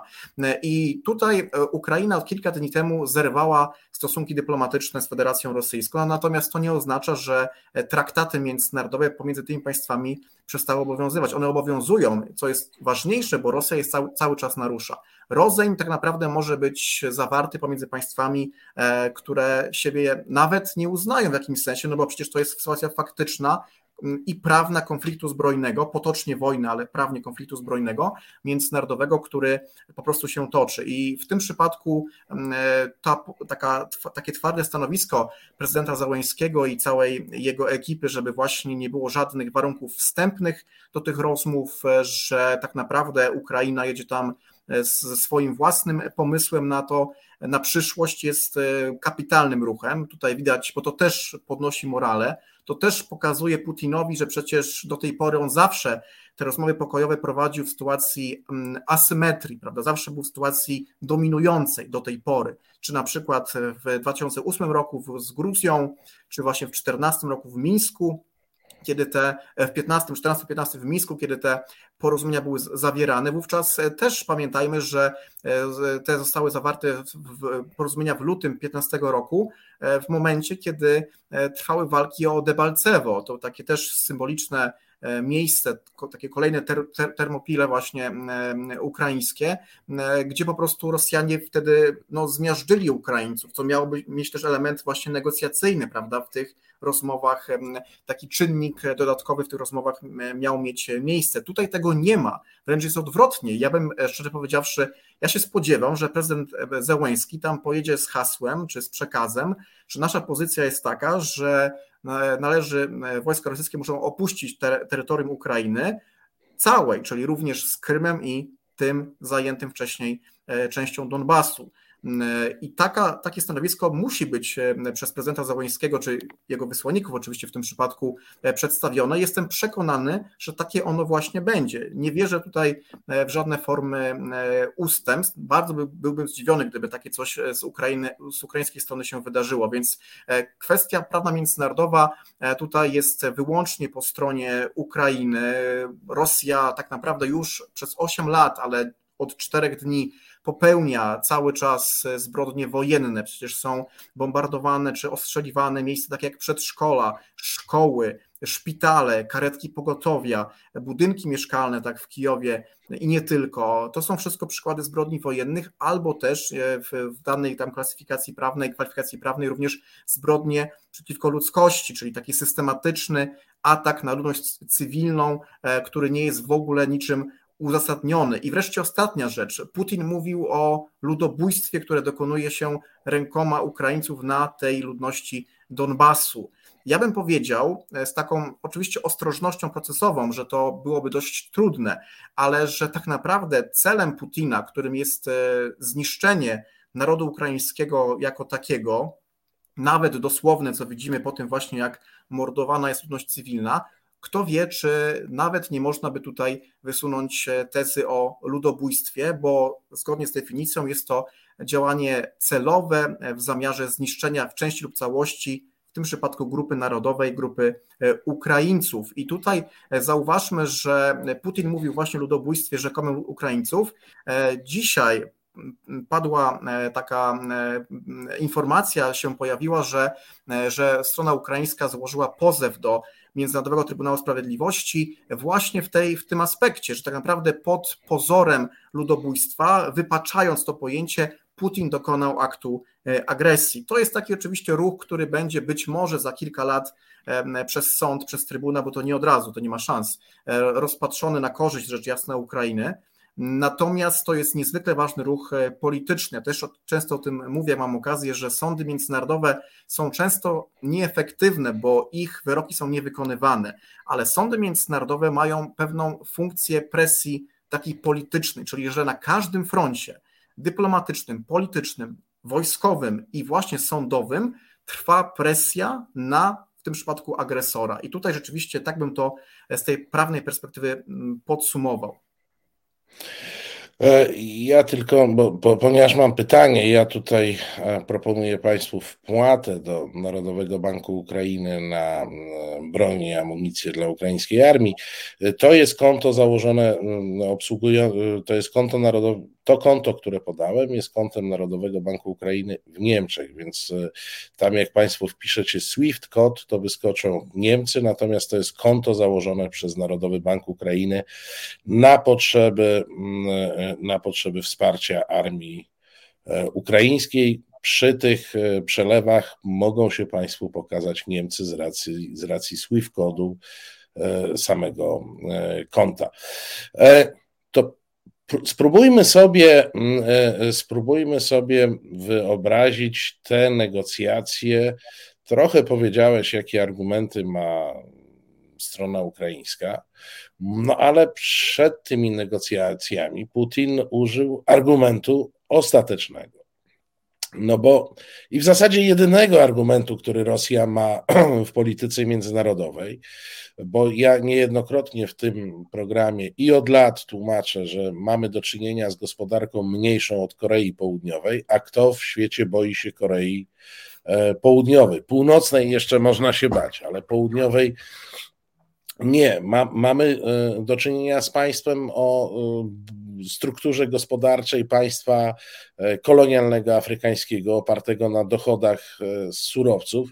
I gdyby nie ten guzik atomowy, i gdyby nie te rakiety, e, to w zasadzie nawet przy wielkich, e, to też ostatnio sprawdzałem, 24% rosyjskiego budżetu to są wydatki na armię i bezpieczeństwo. To bezpieczeństwo też czasami oznacza armię, dlatego warto połączyć te budżety. Proszę Państwa, jedna czwarta budżetu idzie na E, na siłę. Ale nawet przy tych wielkich siłach konwencjonalnych z Rosją rozmawialibyśmy zupełnie inaczej i mało tego, dużo mniej nerwów i emocji byłoby przy rozmowie z Rosją, gdyby nie ten guzik atomowy. E, e, Putin już właśnie kilka godzin temu powiedział, że podnosi stan gotowości mm, arsenału jądrowego. Czy poza tym arsenałem jądrowym Rosja ma w tym momencie argumenty w tych e, negocjacjach i mówi, że Zeleński zapewne wyjdzie z propozycją wycofajcie się zewsząd, no to jaka może być kontrpropozycja Rosji? w takim rozumieniu politycznym, dyplomatycznym pewnie, e, pewnie utrzymanie jakiegoś tam, jakiejś tam formy status quo. Oczywiście Rosja będzie chciała e, w tych rozmowach dążyć do tego, żeby swoje cele realizować, czyli zapewnić e, sobie w tym przypadku, że Ukraina stanie się państwem neutralnym, że ją zgodnie z hasłem Putina zdemilitaryzuje i tak dalej. Natomiast e, no, przyznam, że tutaj nie sądzę, żeby zwłaszcza dzisiaj, w momencie, kiedy po tych kilku dniach e, heroicznej obrony tak wspaniale naród, prezydent siły zbrojne to robią, że nagle e, tam e, delegacja ukraińska się na to zgodzi. To jest jakby niemożliwe. Zresztą prezydent Zełański sam o tym powiedział, że on wysyła tam swoich e, przedstawicieli, nie wierząc niejako w sukces tych negocjacji w rozumieniu takim, że uda się porozumieć z Rosją Putina, ale trzeba to robić, no bo to też jest właśnie element e, działania w, w takim momencie. Jeśli chodzi o te argumenty Rosji, no tutaj znowuż e, mówimy dość optymistycznie, ale cały czas ta przegrana Ukrainy militarna jest cały czas możliwa. Tak? To nie jest tak, że jeśli Rosja będzie cisnąć przez kolejne dni, że jednak e, jakieś kolejne, że jakieś miasta, bo w sumie żadne miasto chyba nie padło, prawda? Albo było odbijane. Nawet Charków tak, co dwie tak. godziny przechodził z rąk do rąk. Tak jest, było odbijane. A w zasadzie przez... jego części poszczególne, bo to, bo to nawet nie całe miasto jako takie. Tak, tak, więc tutaj, tutaj jakby cały czas ta taka no, dosłowne zwycięstwo e, rosyjskie militarne jest wciąż możliwe. Jeśli chodzi o ten argument jądrowy, no to tutaj rzeczywiście ostateczność, ale też e, pragnąłbym tutaj uwagę na to zwrócić, że jak właśnie świat na to zareagował. Francja e, wskazała w swoim komunikacie, że przecież ona też posiada broń jądrową. To jest bardzo ważny komunikat. Do tej pory Putin pewnie by takiej komunikatu w ogóle nie usłyszał. To jest raz bo nie słyszał przez, przecież wcześniej e, tego w czasie swoich rządów, kiedy również właśnie choćby w kontekście Ukrainy, czy Gruzji, czy Syrii e, swoje zbrodnie e, popełniał. Natomiast myślę, że to, co dzieje się właśnie w kontekście nakładanych sankcji, różnego rodzaju, coraz potężniejszych, coraz takich, które zaciśniają się na pętli właśnie Władimira Putina, to na pewno na niego wpływa. Mówiło się, że e, sankcje są zbyt słabe. No, sankcje nie są tak śmiercionośne jak rakiety, tak? E, sankcje rzeczywiście działają w dłuższej perspektywie. No ale chociażby to, co widzimy, e, widzieliśmy w Rosji od dzisiejszego poranka, czyli kolejki tak przy bankomatach, to jednak jest jakaś taka, taki sygnał, że coś dociera do społeczeństwa, że ta informacja jakoś tam jest, no ktoś otworzył swoje konto, tak, zobaczyć ile ma, e, czy, czy chciał, nie wiem, kupić e, gazetę, tak, e, czy, czy inne kupić w kawiarni kawę i być może właśnie napotkał trudności, bo też z tego co wiem, to nawet w Rosji niektóre karty gdzieś tam są problemy, żeby używać właśnie już teraz. Na, pe na pewno, na pewno system Mastercard nie działa w Rosji już w tym momencie, czyli ludzie, którzy mają karty w tym systemie, za tą kawę nie mogą zapłacić.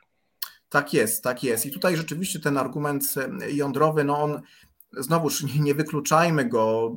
Widzimy, jak, jaki Putin ma szaleńczy plan, jak, jaki to jest bezczelny plan, tak podbicia narodu, którego tak naprawdę on nie uznaje jako naród.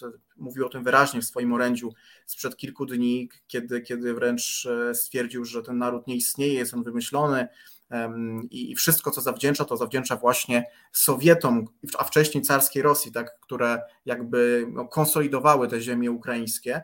E, I tutaj wydaje się, że Zachód też, to też jest bardzo ważne, wreszcie się przebudził. Tak na, mam nadzieję, że na dobre się przebudził i po prostu e, w tym przypadku te argumenty o broni jądrowej mogą się skończyć tylko bardzo, bardzo źle dla samego Putina. Mam taką nadzieję, nie chodzi mi tutaj o, o, to, żeby, nie nawołuję, żeby teraz jakieś krytyczne e, decyzje podejmować w drugą stronę, nie o to mi chodzi, ale że e, Zachód rzeczywiście w swojej, w swojej polityce takiej bardzo, coraz to bardziej skutecznej i twardej e, po prostu no, nie, nie do, do tego nie dopuści, albo jeśli już, no to rzeczywiście powstrzyma prezydenta Putina przez po prostu prewencyjny kontratak. Tego też bym nie wykluczał, bo wydaje mi się, że, że to jest również w tej sytuacji możliwe, bo przecież taki atak jądrowy to nie jest tylko tragedia jednego narodu, ale ponadto nie wiemy, nie wiemy gdzie by tej broni użył, tak? czy na Kijów, czy na inne miasta. To też jest pytanie bardzo, bardzo otwarte. E, no, wszystko wskazuje na to, że e, Amerykanie e, zareagują dokładnie podniesieniem swojego stopnia gotowości do tego samego stopnia. Zresztą takie gry amerykańsko-sowieckie jeszcze odbywały się dosyć cyklicznie przy różnych zaostrzeniach sytuacji pewną słabość oczywistą, ale słabość w dobrym tego słowa znaczeniu widzę w tym, że jednak e, w przypadku przywódców e, Zachodu świadomość tego, że wojna nuklearna nie jest wojną jednego zwycięzcy, tylko raczej wielu przegranych i można wtedy tylko sobie licytować, kto jest przegrany bardziej, ale zwycięzcy przeważnie nie ma. E, jest no, w przypadku Putina nie chcę tutaj dywagować, bo moim zdaniem za dużo jest dywagacji na temat jego szaleństwa. Nikt z nas go nie zbadał psychiatrycznie y, i nie wiadomo na ile mamy do czynienia z szaleńcem, na ile mamy do czynienia z kimś bardzo zdeterminowanym, a na ile mamy do czynienia z kimś bardzo przestraszonym, który się będzie zachowywał agresywnie i y, nieracjonalnie. Niemniej y, ten, ten guzik u niego jest ten guzik u niego jest e, dużo groźniejszy niż w jakiejkolwiek e, innej stolicy e, na świecie. Ale spróbujmy przez chwilę podywagować na temat daleko takich średnio i długoterminowych skutków tej wojny, bo ja mam wrażenie, że ta wojna będzie punktem zwrotnym jakby niezależnie od tego, bo tu Państwu piszą, że jest komunikat, że Kijów jest otoczony. No taki komunikat ja już czytałem dzisiaj rano, okazał się nieprawdziwy, może teraz jest prawdziwy.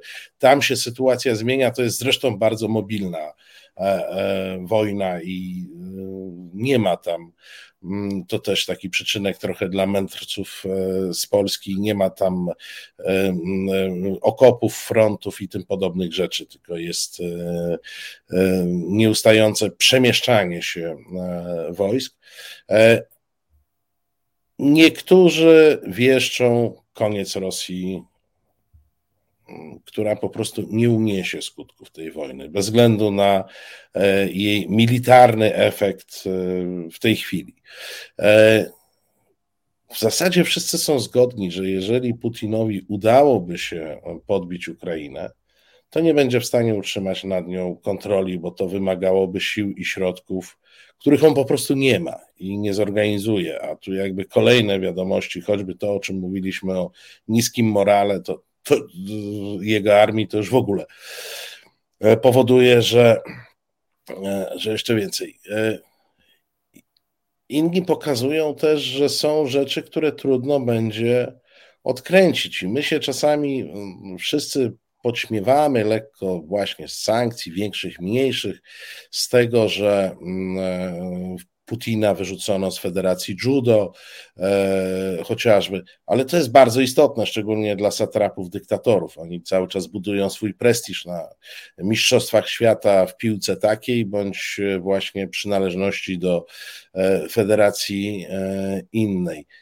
Jak w perspektywie takiego, takiej średnioterminowej 20 lat moglibyśmy sobie wyobrazić sytuację Rosji i sytuację na wschodzie?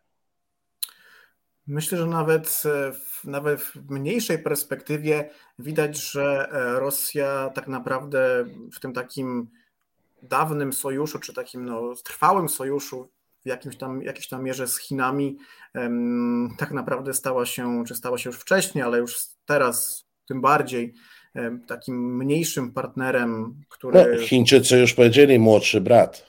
Młodszy brat, tak. I, i tak naprawdę to Chiny w jakiejś mierze są właśnie zwycięzcą tego wszystkiego, no bo patrzą, patrzą jak e, wykrwawia się Rosja, no ale też patrzą, e, z kolei obserwują reakcję Zachodu. E, to też jest pytanie, jak tę reakcję oceniają, czy właśnie potężną i która dla nich jest z ich perspektywy rzeczywiście taką, którą powinni również wziąć pod uwagę w kontekście swoich roszczeń, e, choćby terytorialnych, prawda? Myślę o Tajwanie, ale, ale nie wyłącznie. E, czy też być może właśnie Chińczycy kalkulują, żeby tę kwestię na swoją korzyść w pełni rozstrzygnąć i też niejako e, no, wygrać ze Stanami. No, oczywiście na razie jeszcze nie w czy oby nigdy nie w walce konwencjonalnej, ale e, w, w tym takim ciągłym napięciu na różnych e, płaszczyznach i polach, e, również politycznej, gospodarczej, czy też zbrojeń, tak, pewnego potencjału militarnego. Więc tutaj powiedziałbym, że Chiny z pewnością na tym e, już zyskały, a tylko będą zyskiwać w dłuższej perspektywie. Mam nadzieję, że na tym również e, zyska jednak sam, e, sam Zachód, tak, który, który konsoliduje się, czy skonsolidował się i tutaj też ta presja społeczna jest niezwykle ważna, presja również samych polityków, którzy no, tak właśnie krok po kroku e, koalicję w ramach Unii Europejskiej, bo to chyba było najtrudniejsze, rzeczywiście udało się e, stworzyć do przyjęcia e, tych rzeczywiście historycznych sankcji, ale mam nadzieję, no że... No i bezprecedensowej decyzji o finansowaniu zakupów broni dla Ukrainy. No tak jest. No i właśnie to jest pierwszy nadzieję, raz. Tak jest. Mam nadzieję, że na koniec tej wyliczanki, a właśnie na początku jej, to właśnie zwycięży sama Ukraina i dosłownie tu i teraz, ale również e, jeśli chodzi o aspiracje, jeśli chodzi o granice Unii Europejskiej, że się rzeczywiście przesuną e, za Donieck i za Charków, e, że granice NATO się tam również przesuną. Myślę, że to jest historyczny moment, że jeśli tego jakby jako wszyscy nie wykorzystamy, no to być może, być może sytuacja za jakiś czas wróci do mniej więcej tego, co było przed atakiem na Ukrainę, więc tutaj też to jest kluczowa kwestia dla Zachodu, aby rzeczywiście mm, wytrwał w swojej polityce i mm, jakby dalej e, na tym e, szlaku e, kroczył właśnie w podobny, w podobny sposób. Więc powiedziałbym takie te trzy aspekty. No i w tych aspektach właściwie wszystkich Rosja, Rosja traci. Tak? Tutaj Rosja by zyskała wyłącznie wtedy, gdyby ten blitzkrieg powiódł się w pierwszym czy drugim dniu. Rzeczywiście wtedy by Rosja na tym zyskała, ale w kolejnych sytuacjach, które omawiamy, już Rosja na tym w mniejszym lub większym albo bardzo dużym stopniu e, traci i straci. Jeszcze na koniec. To jest temat, który nurtuje wszystkich. E, co musi się stać na Kremlu, żeby Kreml poszedł na jakikolwiek kompromis e, z Ukrainą? Bo Putin nie wygląda na człowieka, który jest zdolny do kompromisu no, tak jak patrzymy na niego na tych jego wystąpieniach przy tych coraz dłuższych stołach, to swoją drogą oni musieli chyba gdzieś zamawiać takie specjalne e, długie, e, długie stoły, e, to nie wydaje się to być człowiek, który myśli politycznie, który myśli w kategoriach racjonalnych.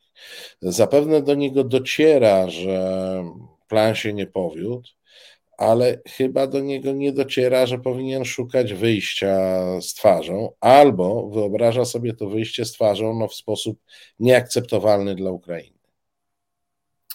No o tym wyjściu z twarzą tutaj dla Putina to może już nie, nie rozmawiajmy, bo to rzeczywiście chyba, chyba nawet urąga wysiłkowi e, Ukraińców, żeby mówić tutaj o tym, żeby Putin wyszedł z twarzą, ale rzeczywiście jeśli chodzi o to, e, co siedzi w głowie Putina, to jest najtrudniejszy najtrudniejsza sprawa. Mam nadzieję, że kiedyś biegły Trybunału Karnego w Hadze to zbada, ale to Miejmy jeszcze, nadzieję, przed, tak. jeszcze przed nami. Natomiast, natomiast no jest to bardzo trudne.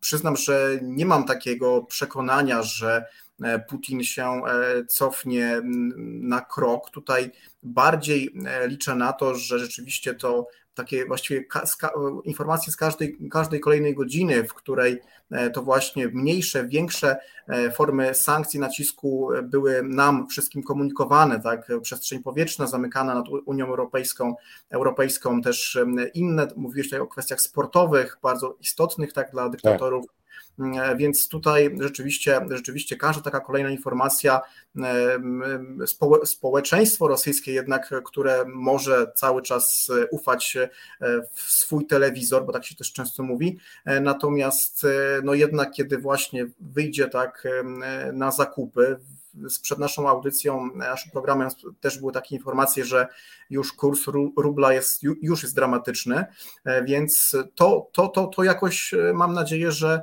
e, ten konglomerat czynników tutaj wpłynie na całą sytuację, bo jeśli chodzi o Putina jako takiego, to też nie widzę przestrzeni tak, w, w jego pojęciu racjonalności, żeby on się tutaj jakoś cofnął, czy, czy kompromis, który byłby dla Ukrainy akceptowalny jakiś e, przyjął. Więc tutaj raczej e, czekaj, czek, jakby spodziewajmy się jeszcze, mam nadzieję, że już po ustaniu walk, czy po ich zawieszeniu, ale jeszcze wiele tygodni, miesięcy e, takiej właśnie walki na polach dyplomatycznych, żeby po prostu swoje Ukraina wywalczyła, ale też i świat, e, świat zachodni. E, czy ktoś obali Putina? No to jest pytanie już bardzo, bardzo otwarte. Mm, do tej pory raczej każdy powiedział, powiedział, powiedziałby, że raczej to nie jest możliwe, no ale też e, nie znamy, nie wiemy, jak ale, to się. Ale z drugiej strony z historii wiemy, że nawet najwierniejsi e, satrapów potrafili e, piersi e, strzelać w plecy. Dzisiaj ja oczywiście uważam, że to jest mało poważne, ale anegdotycznie powiem, no poczytajcie sobie, co na Twitterze się pisze o minie e, ministra Szojgu e, na konferencji, na której Putin ogłaszał stan, podwyższenie stanu gotowości, e, jeśli chodzi o wojska broni nuklearnej. Więc nie, nie, będę tu przytaczał, ale znamy historię Berii i Stalina. No, kilka historii znamy, które świadczą o tym, że zamach pałacowy jest zawsze możliwy i tego typu zmiana władzy, no ale to byłyby już tylko czyste spekulacje. Myślę, że zgodzimy się co do tego, że politycznie mm, w naszych sercach, umysłach Ukraina tę wojnę już wygrała. Militarnie tę wojnę toczy. Oczywiście nikt z nas nie jest w stanie prorokować, jak będzie. Rosja ma jeszcze głębokie zasoby y, militarne do e, wykorzystania, ale, mm, e, ale jak mówię, w sercach, w umysłach Ukraina już wygrała i e, sława Ukrainie. Herojom sława. Bardzo Ci dziękuję za dzisiejszą rozmowę. Naszym gościem był dr Tomasz Lachowski. Dziękuję serdecznie. Dzięki bardzo. Dobrego wieczoru. E, proszę Państwa, e, króciutko, bo już 21 podsumowując ten, e, ten program, e, jeszcze jedno mi przychodzi do głowy. Mam wrażenie, że e, prezydent Załański, że Ukraina właśnie sprowadza nam świat do odpowiednich proporcji, że spowodowali, spowodował działania ukraińskie, spowodował obudzenie Zachodu, przypomnienie sobie przez Zachód, co jest tak naprawdę fundamentem tej, tego naszego kręgu cywilizacyjnego i po co te wszystkie instytucje Zachodu, NATO, Unii Europejskiej zostały stworzone a myślę, że z drugiej strony także Ukraina sprowadziła do właściwych proporcji Rosję. Rosję, która mm, i na polityków Zachodu, i na większość Polaków, to też sobie powiedzmy, i różnych naszych e, e, wielkich statystów, e, publicystów działała trochę hipnotyzująco i z takim poczuciem, że Rosja jest tak wielka i tak potężna, że się nic nie uda. No to właśnie Ukraińcy pokazują, że wystarczy się zorganizować, że wystarczy się, mm, że wystarczy pomyśleć i wystarczy chcieć, żeby radzić sobie z zagrożeniami. E, moi drodzy, ja nieustająco zachęcam do tego, żebyście wspierali wszystkie inicjatywy zarówno te charytatywne, pomocowe, humanitarne, e, bo to jest już, zdaje się, około 200 tysięcy obywatelek i obywateli Ukrainy, którzy przekroczyli granicę w ciągu ostatnich e, dni uchodźców, i tu potrzeby te będą rosły, potrzeby transportu, mm, e, mieszkania, e, wyżywienia, doraźnej pomocy i dłuższej e, pomocy. Zachęcam Państwa nieustająco do tego, żeby wspierać armię ukraińską. To jest w tej chwili armia naszej cywilizacji, która walczy w naszym imieniu. Tam pod Kijowem, tam pod Charkowem.